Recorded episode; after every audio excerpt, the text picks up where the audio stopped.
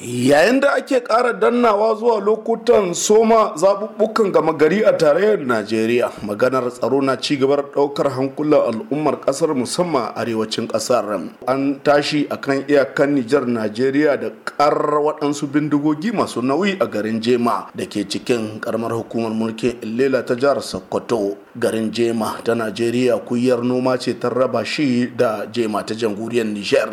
Shin me ya faru ita ce tambayar da na yi wa wani mutumin garin da muka ɓoye sunansa saboda yanayin tsaro.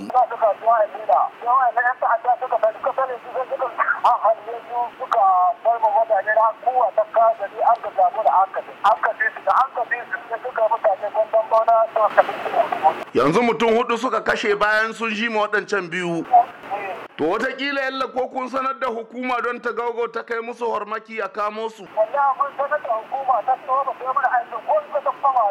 Bayan mutanen garin sun kwarari 'yan bindigar da suka jiwa mutane biyu da ke kan hanyar su ta zuwa kasuwar Illela kuma sun bar su a cikin halin rai kwakwai mutu kwakwai sai mazamna garin na jema suka kwarari 'yan bindigar inda 'yan bindigar suka kashe mutum huɗu kamar yadda wani mutumin kalmalau ya bayyana bene. Yau da Allah kadari mun ka tashi cikin wanga hali mun ji karar bindigogi ya magare mu. Halin da mun ji bindigogin nan fa ana ta cewa ce ku ci ga abin da ka faru na ana ɗauki ɗaiɗaiɗai rasa rayuwa ta kamar zuwa mutum huɗu haka misali. Yanzu in ba ku manta ba ma kwanakin baya an kun ba ku gani haka aka yi aika sa a garin Kalmalu. Guda tara aka rasa rayuwarsu. An ta da dabbobin kuma in ka diba sun kai kusan guda ɗari ma misali bancin ƙananan dabbobi. Sannan kuma abin da nake kira ga sauran juma'a ga samarin juma'a waɗanda suke ba su san kansu ba su bar tunka da waɗannan tun kaga mai makami dai kai baka da makami na ɗaya to wanda bai da makami kana tunka da mai makami kaga bai bashi a lokacin da na tuntuɓi ɗaya daga cikin rundunonin tsaron wannan yankin sun tabbatar suwa mini da abkuwar lamarin amma suka ce min ba sa da hurumin yin magana da ni a rediyo a halin yanzu. Kamin su kammala bincike da ma neman waɗanda suka aikata wannan ɗanya aikin.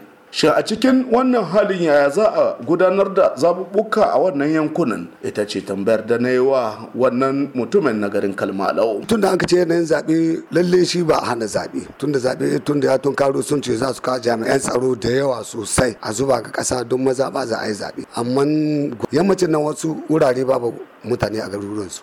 Duk sun gudu sun bar garuruwansu. A wata hira ta bayan microphone da na yi da waɗansu ma'aikatan enec da aka baiwa horo a wannan iyakar sun tabbatar suwa mini da cewa idan har aka kai su a yankuna masu matsalar tsaro to ba za su je ba. Haruna mamman bako na birnin kwanne sashen hausa na muryar amurka daga birnin kwanne a jamhuriyar nijar.